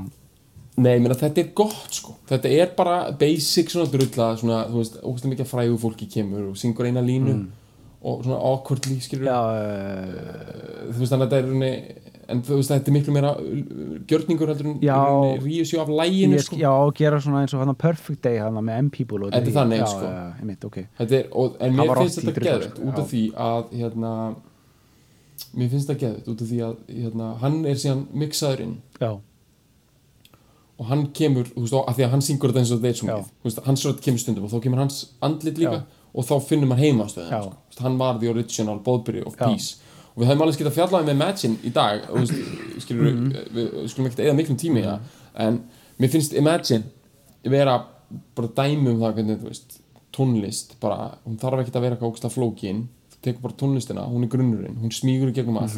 Svo getur þú byggt á það þú veist, multimedia bóðskap skilur bara og, og láta það lifa fáránlega lengi. Og að því við erum að tala um þessi hvað ef scenarios, það er alveg rétt skilur hann hefði sem tónlistamæður aldrei geta náð suma hæðum. Og hann er kannski bara náð hann 1970 kannski er það bara toppurinn í einhverju svona einhverju svona að vera beittur þú veist, eða toppurinn er vantara þú veist, 65, bara mm. help kemur út skilur en ok. Hann hefði þess að mjögulega geta náð meiri hæðum í þessu transcending já. hlutverki. Já, og ég hugsa, að, ég hugsa hann hefði geta það. Ég hugsa hann hefði gert það. Ég veit að það er convenient þannig séð, þú veist að deyja þú tvertuður en hérna, og það hefur haldið vel á þessum málum síðan en ég held að hann hefði átt vond tímabil in the 80s, vond tímabil og jafnvel drugs og vonda plötur. Svo held ég að í tengslum við eitthvað svona live eða eitthvað svona dót þá hefði hann rísið aftur upp sko. Að því að hann er svo, þetta er svo, þú horfður viðtrúðu John Lennon, hann er svo sympatískur þessi maður þegar hann talar. Maður er bara svo fokkin Hann er interessant maður, veist, bara allt sem Já. hann segir er svo fokkin áhugavert og svo vel, hann kemur svo, kemur svo vel fyrir þessu orðið, sko, er bara veist, hann hefur alltaf eitthvað að segja um allt og gera það svo skemmtilega og svo, og svo sjarmirandi, sko, að það er bara fokkin, ég, bara eitt, bara eitt í þessu, bara getur ímyndað þér bara, bara þó ég bara hljóð mig alveg eins og bara eitthvað gíslimartinni sko, en þú veist bara, ég getur ímyndað bara Lennon og Twitter.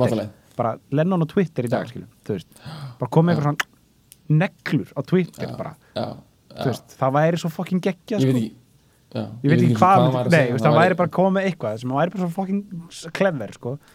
Hann, bara covermyndin á hann væri svo góð sko, hún væri bara eitthvað þú veist, þú veist það væri bara allt í einu eitthvað bara jógurt, bara mynda jógurt dollu svo kemur bara eitthvað they don't make them like that eitthvað, eitthvað, eitthvað, eitthvað, dæmi svo fyrir maður að lesa það, heyrðu, já, heyrðu, þetta er á sjö mismöndi Já. levelum að tala til já, já, já, ok einmitt já, já, ég veit nákvæmlega hvað þú við hann, hann, er, hann, er, hann er sterk að, sko, hann virkar á öllum miðlum sko.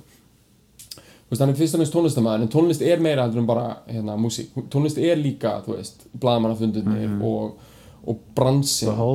Og, mynd, og, já, og hann er ógeðslega sterkur á öllum miðlum og pældu í því þú veist, sko, þú veist sko Elvis Presley sem, stærsta, sem, sem frumkraftur rocksins Mhm. og stærsta stjarnan og, og svona benchmarkið fyrir henni í rockstjörnu ennþá og verður alltaf þú, þú sé blaðamannafundina hans Mhm. já, þeir eru góðir út af því að þú veist þeir eru bara good old fashion entertainment Já. bara það er verið að kynna sjó og hann er að segja, kalla alltaf honeys og hann er bara, svo hann að spurður hvað finnst þú um Vietnam stríðið og hann segir bara, í staðan fyrir að vera eitthvað fannendan í flæmingi, hann segir eitthvað, I'm just an entertainer honey, Já. I don't on Já. that þú veist, hann segir Já. þetta bara af því að þetta er bara part of the Já. script hann er bara takmarkaður við Já.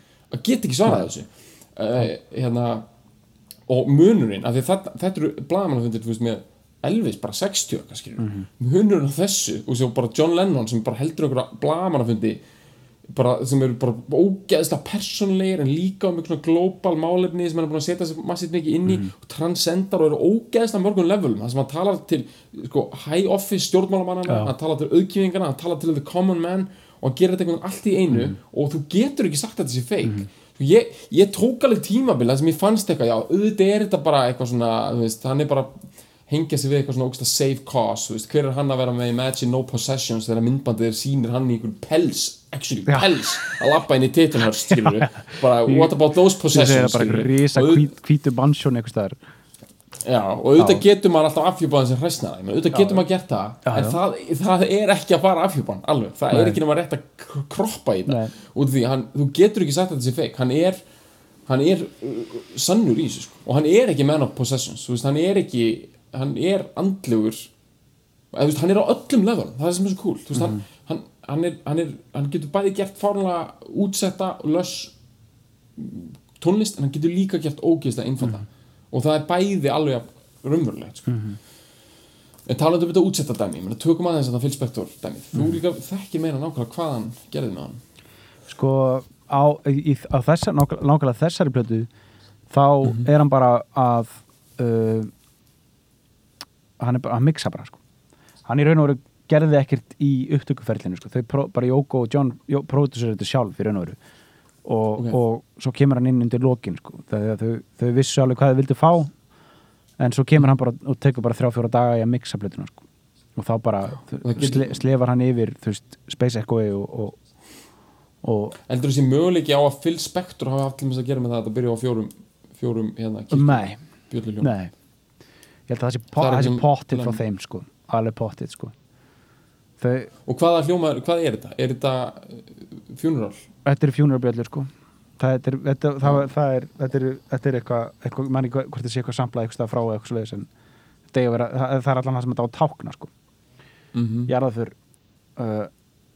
Júlíu sko. Já. Þess að setja hann aftur í það emotional state þegar hann öskra fyrsta máður Já þú veist, ég man, ég, þú veist, ef maður, ef maður heyrir þetta fyrsta öskur, skilju, ég, ég man ég held að ég hef aldrei heyrt eins ráa tjáningu í tónlist eins og í þessu lagi, sko, Mhm. í alvörinu, sko. Ég bara, Já, þú veist, ég ég meina, ég, ég, meina, við tókum einu svona If I Can Dream fyrir, við, höld- við förum aftur í Elvis, skilju, við erum, við erum í Lennon, þá er alltaf Elvis handa við hodnin, sko.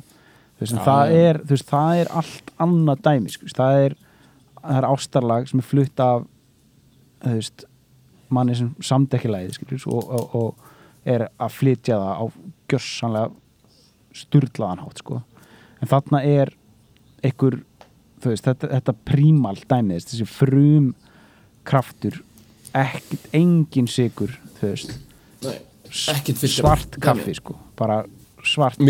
alltaf, veist, það er til þess að hérna það sem ég myndi vilja speikla þetta við sem er fyndið að því að það er ekkit sambarlegt lag sko. við vorum að tala um Dylan hreinasta tjáning Dylans hreinasta, hre, bara það sem að þú bara, bara þegar söngurinn er bara eins tær og hann getur Já. orðið í svona einhverju frum það er að mínum að því lay down your weary Já. tune early, þú veist, Já. honum og hérna og náttúrulega einmitt ekki svona, svona ekki svona frum tilfinningatexti heldur eru runni fyrir frekar elaborate svona eina síkadelisku texti en bara hvernig það er sungið það er svo ógeðslega ófilterað og bara Já. þú veist og ég veit sko að Lennon er hann, svo, hann var svo ógeðslega hrifin af Já. þessu sko ég held að bara hann langaði, þú veist, hún fannst náttúrulega geðvitt af því að, þú veist, bílarnir voru alltaf stærri en skilur, alltaf stærri, þú veist, og með miklu meira dæmi í gangi, en ég veit að þú veist, hann öfundaði svo mikið að þú gætir þetta, Mhm. af því að allir listamenn, þeir og allir sem hafa áhuga bara á fagurfræði sko. fagurfræði byggir svo mikið á því að geta náð sem mestum slagkrafti með þessum minnstu Mhm. það er bara hluti af af fegurðinni, sko, Mhm. að geta það að hafa einfallegan og bílarnir reyndar eru alveg mjög smeklegir og eru hljómsveit einfallega, sko, þeir eru ekki overcooking hljómsveit, skilur og, en, já. en en ef þú tekur bara ef þú býr til svona ratio sem sagt, með effort versus áhrif Mhm. þá er Dylan sérstaklega þegar hann er ennþá bara fólk og líka eftir að hann verður elektrik það er ennþá svo lítið effort þá er hann í rauninni með betri nýtingu þetta er að sama og fær fólk til þess að elska reyðhjól reyðhjól fara miklu hægar heldur en bílar þú veist að fólk elskar reyðhjól og já. og, og eins og Ralf Hutter og, og arkitektar og svona lið og, og liði kraftar Já. það elskar reyðhjól á sama hátt eins og fólk elskar píramítan Mhm. eða það elskar domkirkjuna í Köln þú veist að elskar reyðhjól út frá Mhm. fagurfræðilegum forsendum reyðhjól fyrir hægar en bíl það er ekki að örugt á bíl eða skilur þú veist þú ert miklu óvarðari Mhm. og, en bílar eru svo mikið effort þess að ná þó ekki það miklu meira en reyðhjól Mhm. þú veist, þeir eru bara svo mikið stál svo mikið brennsla til þess að koma þar á milli staða. Mhm. og meðan reyðhjól er með besta sem homo sapiens getur gert in terms of bara að nota engineering ingenuity til þess að fara frá A til B. Mm. og þetta er í alvöru svona, það er bara lið bara í veist, Rotterdam sem er bara að strokka sig. Bara það er að hugsa um það og veit ég, það, ég, ég veit að John Lennon hann er, hann er gaur sem dyrkar svona pælingar. Þú veist, hann dyrkaði þegar, þú veist, þegar Bob Dylan þú veist, þegar Bob Dylan ge, ge, gefur út frívílin 1963, þá eru bítandir komnir inn í sitt grúf, Já. og þeirra grúf er ekkit eitthvað ógislega flókið en það er samt meira, þú veist, það er meira læti sko. þetta er, þetta er, þú veist, þetta er, það er líka þú veist, þetta er þetta er góð pæling varandi, sko, þetta er hvort þetta sé þú veist ef maður ma ber líka saman, þú veist, það sem að, það sem að hini bílarnir voru að gera á þessum saman tíma og það sem Dylan var að gera á þessum saman tíma, þetta er, Mhm. þetta er 70, Dylan er að gera New Morning. Já, New Morning, nýbúin að gera self, eh, self-portrait og New Morning eru, eru 70 Já. þú veist, hann er mjög leitandi þarna líka á, á sama tíma.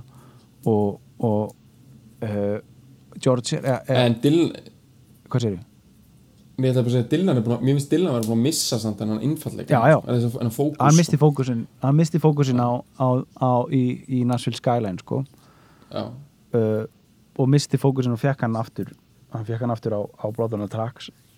Já, en, en fór, tók nokkur ár í, í, í hérna eðimerkinni sko, eðimerkugöngu en þarna þú veist það er, veist, það er veginn þessi þessi ökonomía sko, þessi sko og líka bara, Mhm. þetta er þetta bara ægi sko, þetta er, er bara að- sta- standa svona veist, þetta er svo mikið balls að standa með þessari pælingu, skil, er veist, þetta er svo sjúklega sjúklega persónlegt, er, er, þetta þetta er ekki bara það að hann er að, hann er að strýpa sér svona niður, hann er hann er í alvörinu að ganga í gegnum búin að vera í fjóra mánuði í mjög stífri sko, einangrun og, og Mhm.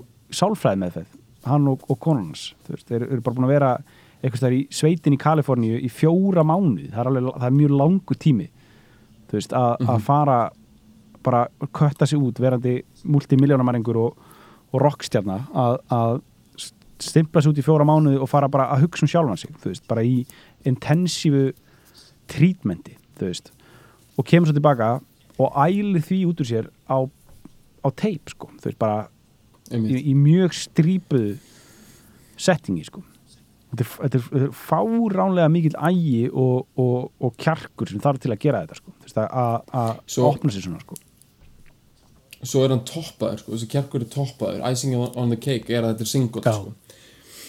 þetta er singull því að, ég meina, auðvitað veit hann alveg, þetta, þetta náði, ég var að fletta upp. Þetta fór eitthvað átjón eitthvað á billboard listan sem er er að það náttúrulega ótrúlega, Já, já, mjög já. hátt en það er náttúrulega bara geðið eftirspunni eftir single frá Já, John já. Lennon, hann hefur alltaf farið eitthvað hátt en hann veit alveg, auðvitað er já, já, heimurinn ekkert að breytast veist, hann veit alveg að þetta verður ekkert vinsasta lag í nei.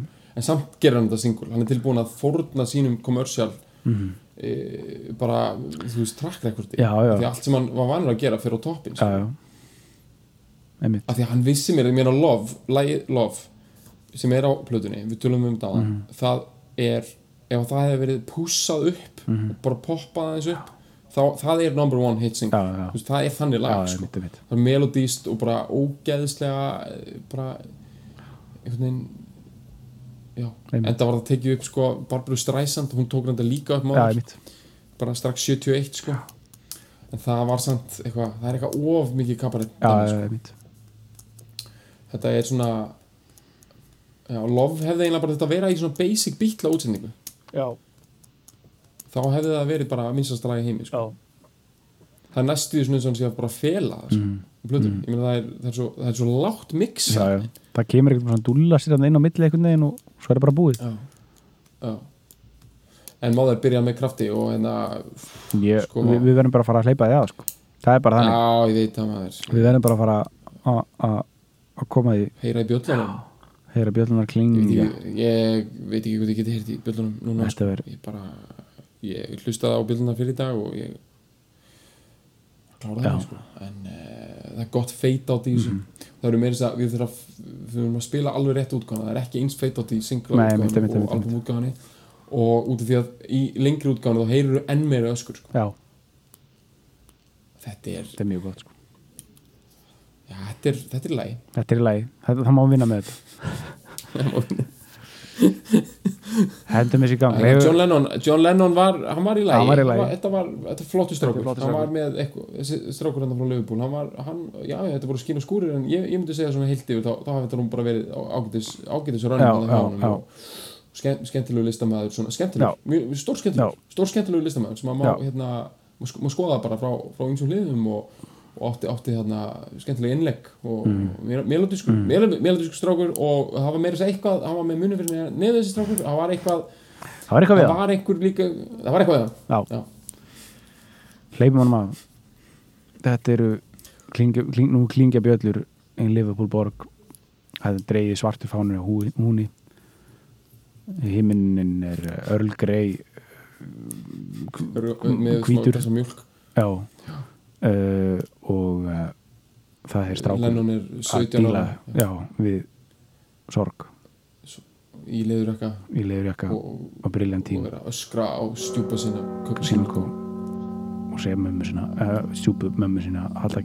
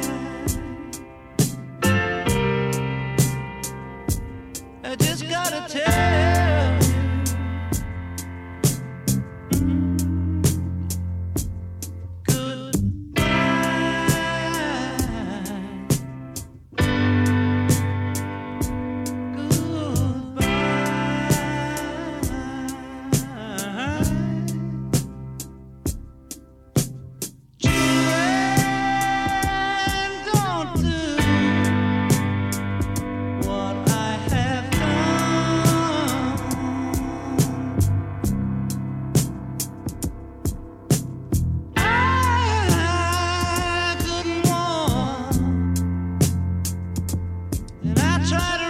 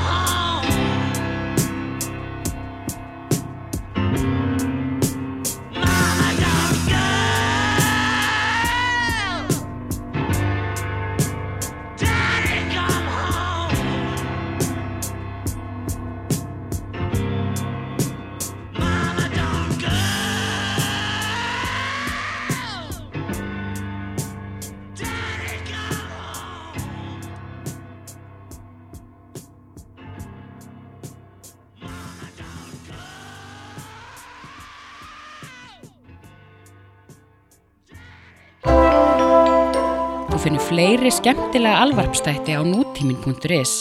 Takk fyrir að hlusta.